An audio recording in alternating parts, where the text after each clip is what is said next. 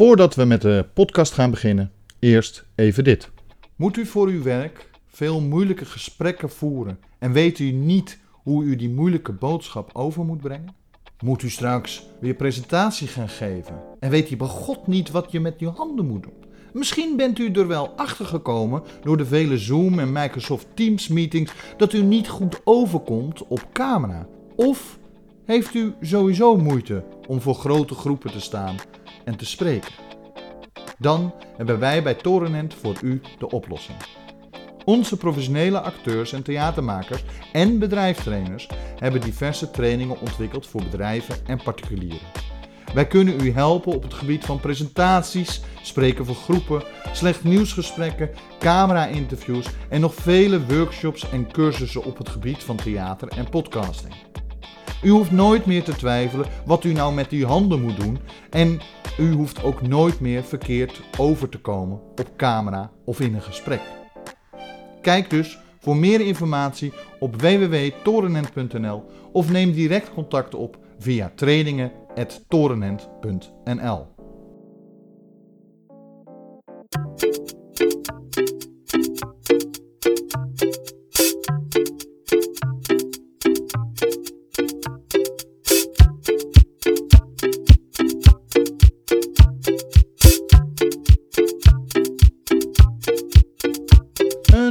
hele goede morgen en welkom bij deze nieuwe aflevering van de podcast De Ochtendwandeling. Mijn naam is Bastiaan Toornent, ik ben theatermaker, acteur, podcaster en opiniemaker, maar ik ben met name eigenlijk een hondenliefhebber. En normaal gesproken loop ik iedere morgen door de Zandvoortse duinen en terwijl ik dat doe, bespreek ik met u, de podcast eh, luisteraar, natuurlijk de diverse politieke en maatschappelijke onderwerpen. Nou, vandaag is het heel erg slecht weer buiten. Het regent nogal hard, waardoor de opnames buiten wat moeilijker zijn. Bovendien is nog een van mijn honden niet helemaal lekker. Dus eh, ben ik kort met ze uit geweest. En zit ik nu weer in mijn eigen huis. eh, en maak ik hier de opname. Voor de mensen die de video bekijken, kunnen dat zien. Mensen kunnen de video zien via ons YouTube-kanaal. U kunt zich daar gewoon abonneren. Eh, of natuurlijk onze Facebookpagina. Volg ons daarop, want dan kunt u eh, al het nieuws en alle afleveringen direct zien via Facebook. Natuurlijk kunt u ook eh, de podcast zelf vinden op Spotify, iTunes, Apple Podcast, Google Podcast en diverse andere podcastplatformen. Abonneer u. Laat een recensie achter, want dan kunnen andere mensen ons beter vinden. En het liefst natuurlijk 5 sterren. Goed, waar gaan we het vandaag over hebben? We gaan het vandaag hebben over wat er nou zo erg was aan, de, aan het uitlekken van de notulen, of beter gezegd, wat erin stond. Nou, als eerste, het idee dat ministers ehm, ongelimiteerd met elkaar moeten kunnen spreken, van gedachten moeten veranderen, hun frustraties moeten kunnen uiten naar ehm, collega-ministers eh, over een debat. Dat is op zich niet gek. Ehm, we doen het allemaal wel eens. Ik bedoel, als je een gesprek met je baas hebt gehad, dan. Ehm, en, en dat was niet zoals dat je wilde, of, of, hij zei dingen die, waar je boos over bent, dan, dan klaag je ook bij je collega. En, en als je een gesprek eh, met een klant hebt eh, die belachelijk doet, of, of een klant deed belachelijk, dan, daar moet je even over spuien. Dus het feit dat ministers wel eens dingen zeggen in een ministerraad. En, nou ja, dat is natuurlijk in de natuur gekomen, maar in een ministerraad waar, eh, nou ja, niet, die niet altijd even netjes zijn. eh, Oké, daar valt, nou ja, heel eerlijk gewoon eh, mee te leven. Het, dat is ergens gewoon heel logisch. Eh, we hebben dat allemaal en ministers zijn ook niks anders dan mensen. Maar waar gaat het dan fout? Nou, ik vind dat het fout gaat zodra de ministers onderling letterlijk acties gaan ondernemen om Kamerleden te ondermijnen. Kamerleden te proberen te temperen.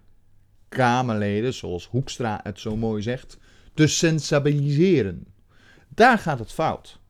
Want dan kan je nog wel je frustratie uiten, dan kan je nog uh, zo boos zijn over een Kamerdebat en wat voor politieke streken een, een Kamerlid uh, ze, uh, jij hebt, jou heeft, heeft geleverd. En ook al doet dat Kamerlid het alleen maar om zichzelf wat meer te profileren, wat natuurlijk gebeurt. Er zijn genoeg Kamerleden die wel eens, nou ja, bewust zich gaan profileren.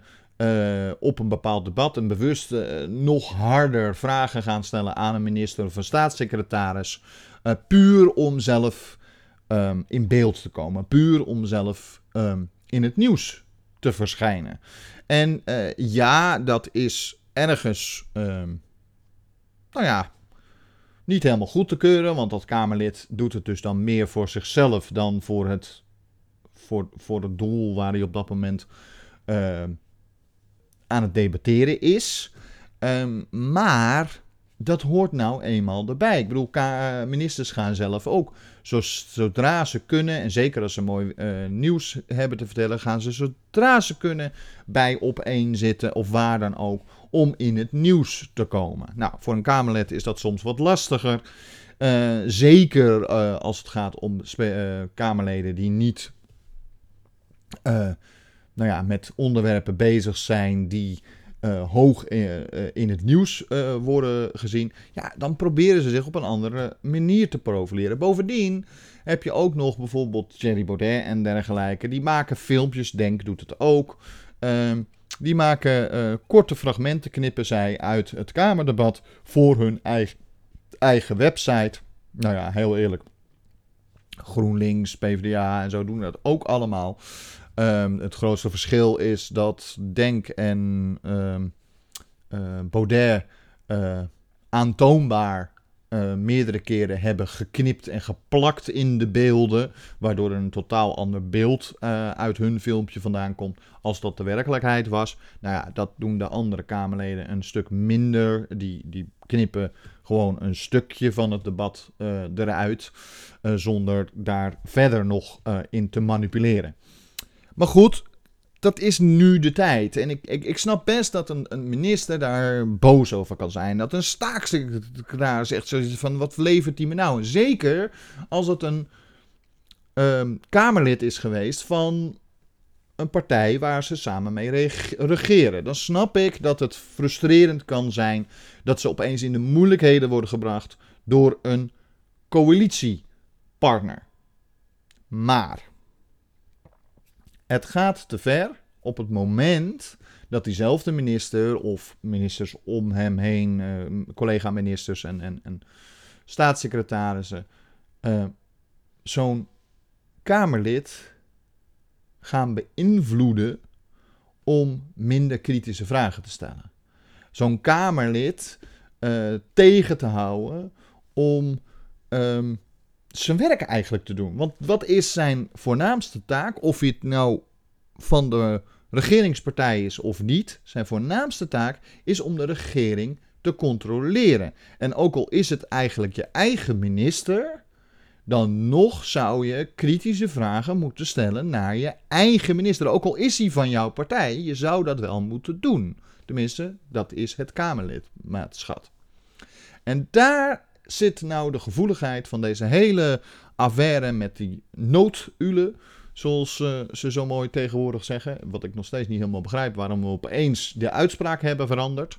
Maar goed, de notulen uh, van de ministerraad, dat, daar blijkt toch duidelijk uit dat bijna alle ministers wel mee hebben gedaan met de stap verder gaan. Dus het, het, de frustratie uiten is één ding, maar een stap verder gaan door echt de Kamerleden te sensibiliseren, zoals ze mooi zeggen, of te temperen of te beïnvloeden, zodat ze niet meer kritische vragen gaan stellen, ja, daar gaat het fout.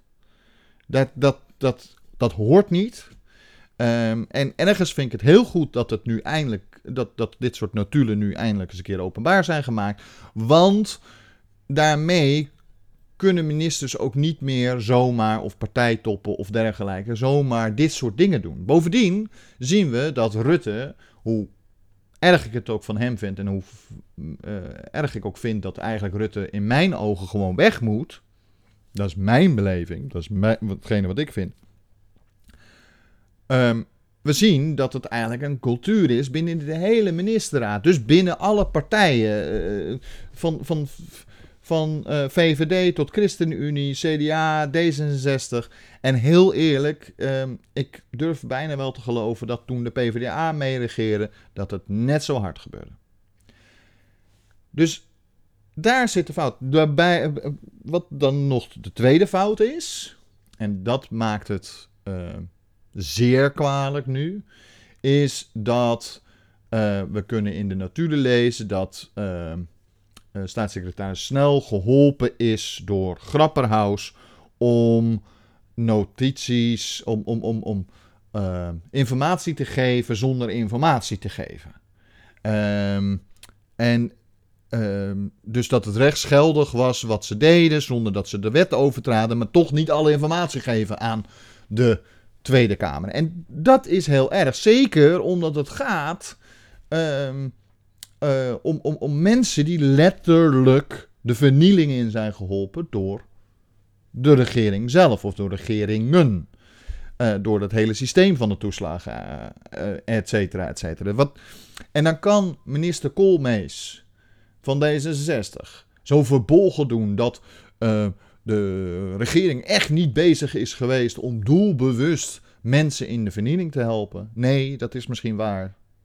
Maar u heeft ook niet doelbewust uh, sneller gehandeld om te zorgen om mensen eruit te halen en de fouten toe te geven. Heeft bewust de Tweede Kamer niet goed genoeg ingelicht. Althans, het kabinet heeft dat gedaan. En u heeft daar als minister wel degelijk aan meegewerkt. Er staan zelfs in de notities duidelijk dat u daar uh, uw frustratie ook over heeft geuit dat sommige dingen wel naar buiten moesten. Dus het, eh, het, het gaat erom dat ministers eigenlijk bezig zijn met Kamerleden hun werk niet te laten doen.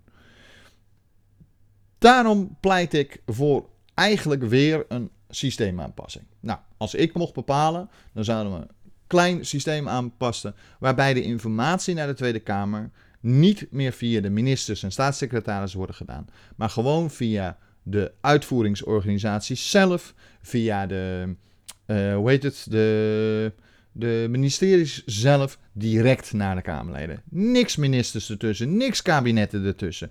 Nee, alle informatie openbaar voor de Kamerleden. Zit er vertrouwelijke uh, informatie bij, dan krijgen de uh, Kamerleden dat alleen uh, met natuurlijk de geheimhoudingsplicht. Maar die hebben ze toch al. Er zitten bij sommige dossiers sowieso geheimhoudingsplicht op, dus dat mogen ze niet naar buiten brengen. En dat geldt voor ieder Kamerlid, dat geldt voor ieder gemeenteraadslid, ieder provinciestatenlid. Die, die hebben al met sommige dossiers geheimhouding, uh, verplichting, omdat nou ja, dat er eenmaal uh, opgelegd is. Um, ik zou veel meer zijn voor uh, openbaarheid. Dat er veel meer documenten openbaar zouden worden en onderhandelingen openbaar zouden worden. Maar dat is een andere stap. Uh, en misschien met de nieuwe bestuurscultuur komen we daar wel. Nou, uh, hoe nu verder? Dat hoort u zo. Hallo, mijn naam is Bastiaan Toornent en dit is Uit de Schulden, de weg van de meeste weerstand.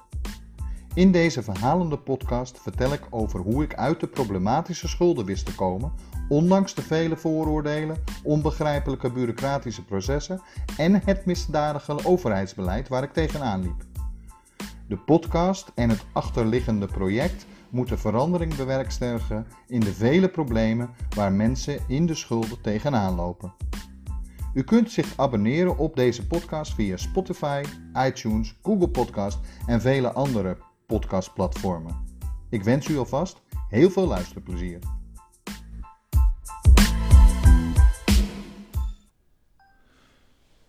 Goed, wilt u nou meer informatie over uh, de hele podcast uit de schulden of het project wat erachter ligt waarin we mensen met problematische schulden proberen te helpen en ook werkelijk politiek iets proberen te veranderen, uh, kijk dan even op onze website www.torenent.nl. Daar kunt u ook vriend van de show worden uh, door een eenmalige donatie te doen. Nou, gaan we door met het onderwerp waar we het over hadden, de notulen. Nou, uh, vanmiddag, of nou ja, eigenlijk nu ongeveer, rond 11 uur uh, vanochtend, begint het debat in de Tweede Kamer over deze notulen. En heel veel mensen zullen denken, ah, dan gaan we weer praten over wat wie gezegd hebben en wat dan ook. En daar heeft iedereen gelijk in. Maar dat maakt het dus des te erger. En, en, sommige mensen verwijten dit de Tweede Kamerleden uh, of dergelijke. Of RTL Nieuws die daar een onderzoek uh, naar gedaan heeft, waardoor ze dit naar boven hebben weten te brengen. Maar het is toch niet de schuld van de mensen die hun werk doen, zoals journalisten die controleren en eigenlijk Tweede Kamerleden die controleren, om hier vragen over te stellen, slash uh, dit uit te zoeken. Nee, het is de fout van zowel Rutte als Kaag als Hoekstra, als nou ja, eigenlijk het hele kabinet, dat ze hier niet eerder gewoon openheid over hebben gehad. Want ze hadden kunnen aanzien komen dat als er één klein dingetje hiervan weer uit zou lekken, dat het weer tot een toestand zou leiden. Wees dan gewoon gelijk transparant. Als het dan toch. Kijk, in het begin hebben ze geprobeerd om het onder de mat te schuiven. Helemaal in het begin toen Rutte er ooit over had. Um, met het hele uh, positie, omzicht, el, uh, functie elders. Nou, dat is toen niet gelukt. Dan kan je toch beter vanaf dat moment gewoon denken van weet je wat, we gaan gewoon open kaart spelen, want anders leidt dat tot weer een grote toestand. Nu hebben ze het, dit van de, uh, heeft Kaag en Hoekstra hebben gedaan alsof zij zich nooit schuldig hebben aangemaakt, uh, gemaakt hebben aan het temperen van Pieter Omzicht, et cetera, en andere Kamerleden. En vervolgens lezen we in een notitie waar ze als ministers notabene gewoon daar wel aan hebben deelgenomen. En dat Koolmees daaraan deel heeft genomen. En, en, en dat ze gewoon bewust bezig zijn geweest om Kamerleden te beïnvloeden en, en te temperen en te sensibiliseren. Uh, et cetera, et cetera. Was gewoon open geweest. Dat is het eerste wat ik zeg. Het tweede wat ik zeg is. Laat dit maar even een schandaal zijn. Want er zit ook een voordeel in. Kijk, ik, ik ben helemaal niet voor deze partij dat ze samen een regering gaan voeren. De meeste kijkers en luisteraars weten heel donders goed dat ik uh, links-minded ben en dus het liefst een, een veel linkser kabinet uh, zou zien. Maar dat betekent in mijn ogen een links kabinet uh, het liefst zonder de VVD. En heel eerlijk, het, ook nog het liefst zonder het CDA. Nou ja, dat is absoluut niet mogelijk met deze verkiezingsuitslagen, et cetera, et cetera. Maar ik zou voor een volledig, ik bedoel, een, een kabinet met D66, PvdA, GroenLinks, SP, uh, eh, dierenpartij misschien. Uh, dat zie ik wel zitten. Nou, Volt mag ook wel meedoen, maar niet zoveel tegelijk. Dus bijvoorbeeld drie of vier linkse, progressieve partijen die een kabinet, dat, dat zie ik zitten. Maar dat is mijn mening. Het gaat er meer om dat we hebben deze verkiezingsuitslag. En daar zal een regering uit moeten vormen. Nou, eerst was Rutte het probleem. En uh, die had een motie van afkeuring gekregen. En die moest het vertrouwen gaan herwinnen van Kaag en Hoekstra. En daar was ik het helemaal mee eens. Niet helemaal realiserend. Goed, ik heb altijd een beetje een vermoeden gehad dat Hoekstra er toch ook wel iets meer boter op zijn hoofd had tijdens dat debat van toen. Dan dat hij uh, uh, op dat moment liet merken. Maar ik had niet verwacht dat Kaag en, en bijvoorbeeld D66 zo'n grote rol ook uh, met dat hele sensibiliseren, et cetera, hadden gespeeld. Um, het feit dat, dat zij eerst deden alsof Rutte uh, de enige was die helemaal fout was gedaan, uh, dat, dat was eerst het aan de hand. En dat was natuurlijk een en al poppenkast. Dat zien we nu ook. Dus nu kunnen ze niet meer zeggen van ja, Rutte moet het vertrouwen herstellen. Nee, want ze waren zelf of ons vertrouwen herstellen. Want zelf deden ze er net zo hard aan mee. Dus wat nou vertrouwen herstellen? Jullie wisten het notabene. Dat is één. Twee, uh, dat betekent dus dat deze drie partijen uh, makkelijker weer bij elkaar kunnen gaan zitten en het over de inhoud kunnen hebben. na dit debat kan het veel makkelijker zijn om bij elkaar te gaan zitten. Omdat ja, ze moeten nu alle drie het boetekleed aantrekken. Ehm, het tweede is dat in dit debat er waarschijnlijk geen motie van afkeuring of motie van wantrouwen gaat komen uh, die gesteund wordt door iedereen. Natuurlijk, er gaat een motie van wantrouwen komen. Ja, er gaat een, waarschijnlijk ook een motie van afkeuring komen. Maar die zal niet gesteund worden door het CDA of, of, of D66. Uh, zeker niet richting Rutte.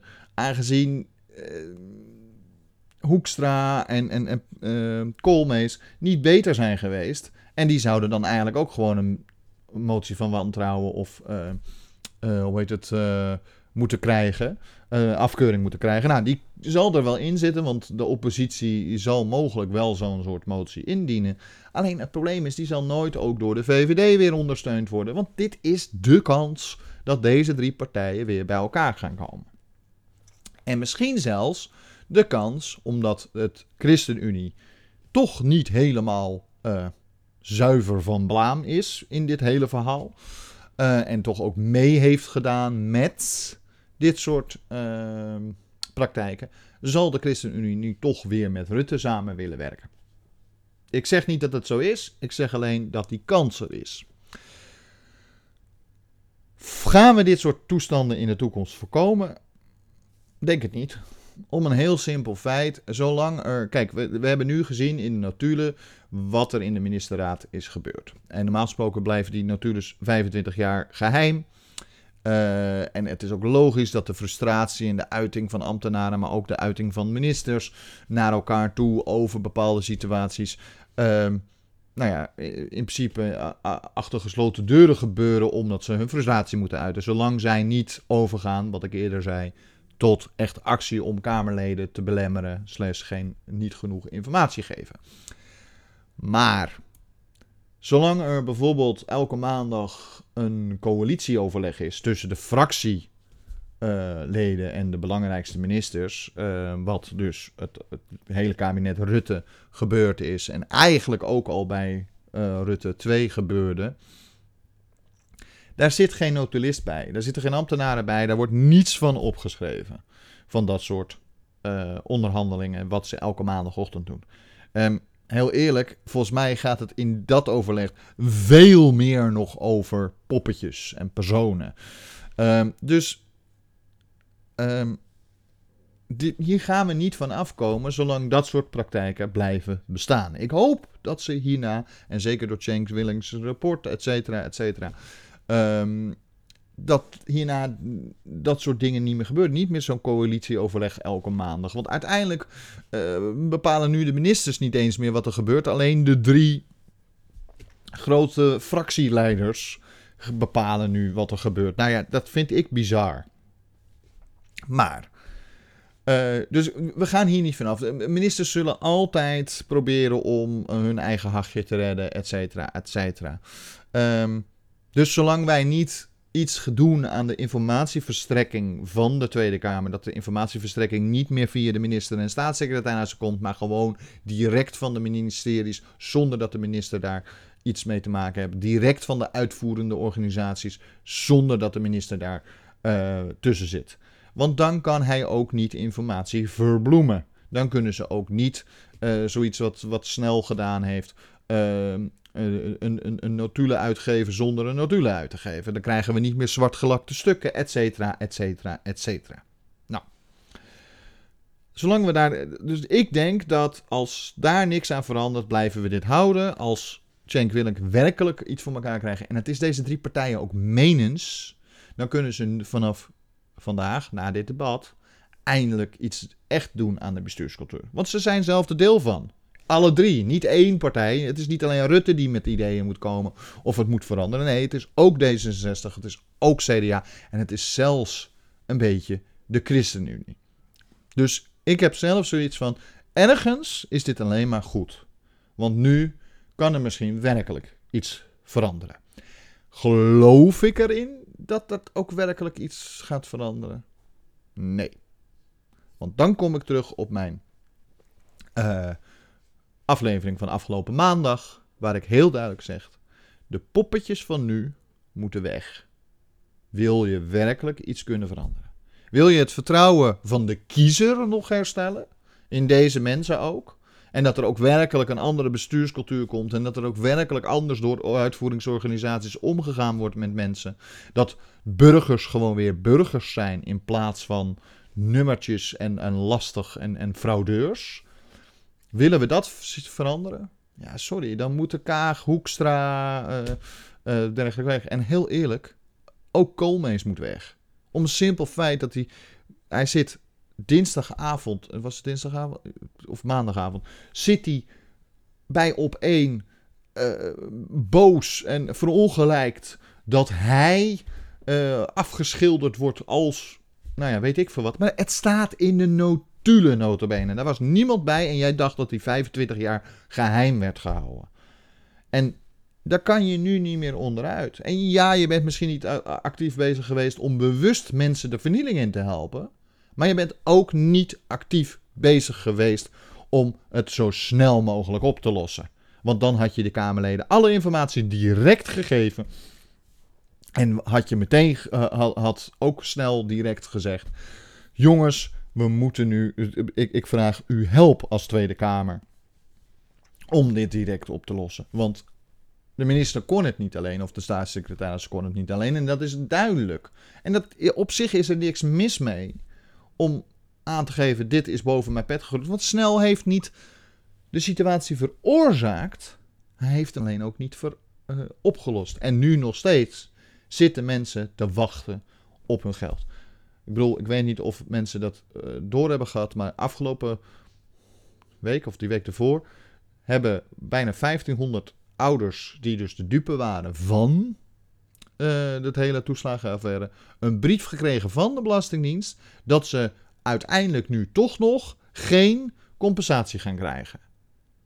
Dat was een fout. En daar heeft de uh, Hufflepuff, nou ik weet niet precies hoe ze heet, maar de staatssecretaris uh, van D66 heeft daar excuses voor aangeboden. Maar als dat nu nog gebeurt, terwijl alles al uh, open is geweest en, en, en er toch er moet toch op het ministerie en bij de Belastingdienst een soort uh, heel sensitief dingetje bij zijn van laten we dit niet nog een keer verklooien. Ja, ze hebben het nog een keer verkloot voor 1500 ouders. Dus, uh, en tuurlijk, ze zeggen wel van we hebben een fout gemaakt, fouten zijn menselijk. Ja, maar hoeveel fouten zijn menselijk? Ik bedoel, had gewoon gezegd, joh, dit moet op de schop. Joh, dit gaat even duren. En sorry, uh, we kunnen niet meteen, uh, we hebben uw hulp nodig als Tweede Kamer. Maar nee, ze hebben geen informatie gegeven. Ze hebben bewust de informatie achtergehouden. En ze gaan doen nu onverongelijkt alsof zij het slachtoffer zijn. Nee, ze zijn niet het slachtoffer. Dat, dat vind ik echt. Dus in mijn ogen moeten al die poppetjes die er nu zitten, moeten weg. Er moeten nieuwe leiders komen, liefst jong, eh, wat dan ook. En laten die nou het vertrouwen van de kiezer. En ook van dit soort mensen die dus de dupe zijn van de overheid. Laat die nou dat veranderende bestuurscultuur en het vertrouwen van de kiezer terugwinnen. Want met Rutte, met Kaag, met Hoekstra, die allemaal ronduit hebben gelogen tegen ons. Tegen journalisten. Uh, met boter op hun hoofd uh, een, een andere politiek bijna onschadelijk hebben proberen te maken. Terwijl ze zelf er net zo aan mee hebben gewerkt. Sorry, dat vind ik vuile politiek. En daar hou ik niet van. Ik hou van politiek, ik hou van politieke spelletjes, ik hou van zelfs van een beetje politieke trucjes. Maar van dit soort vieze politiek, waarbij ze gewoon liegen en, en, en uh, eigenlijk uh, elkaar ook nog eens een keer uh, met de ellebogen weg proberen te werken. Joh, ik dacht dat Kaag en, en D66 daarboven stond, maar dat is blijkbaar dus niet zo, zo, niet zo. En ja, van het CDA wist ik dat het altijd al zo was en VVD is niet veel beter.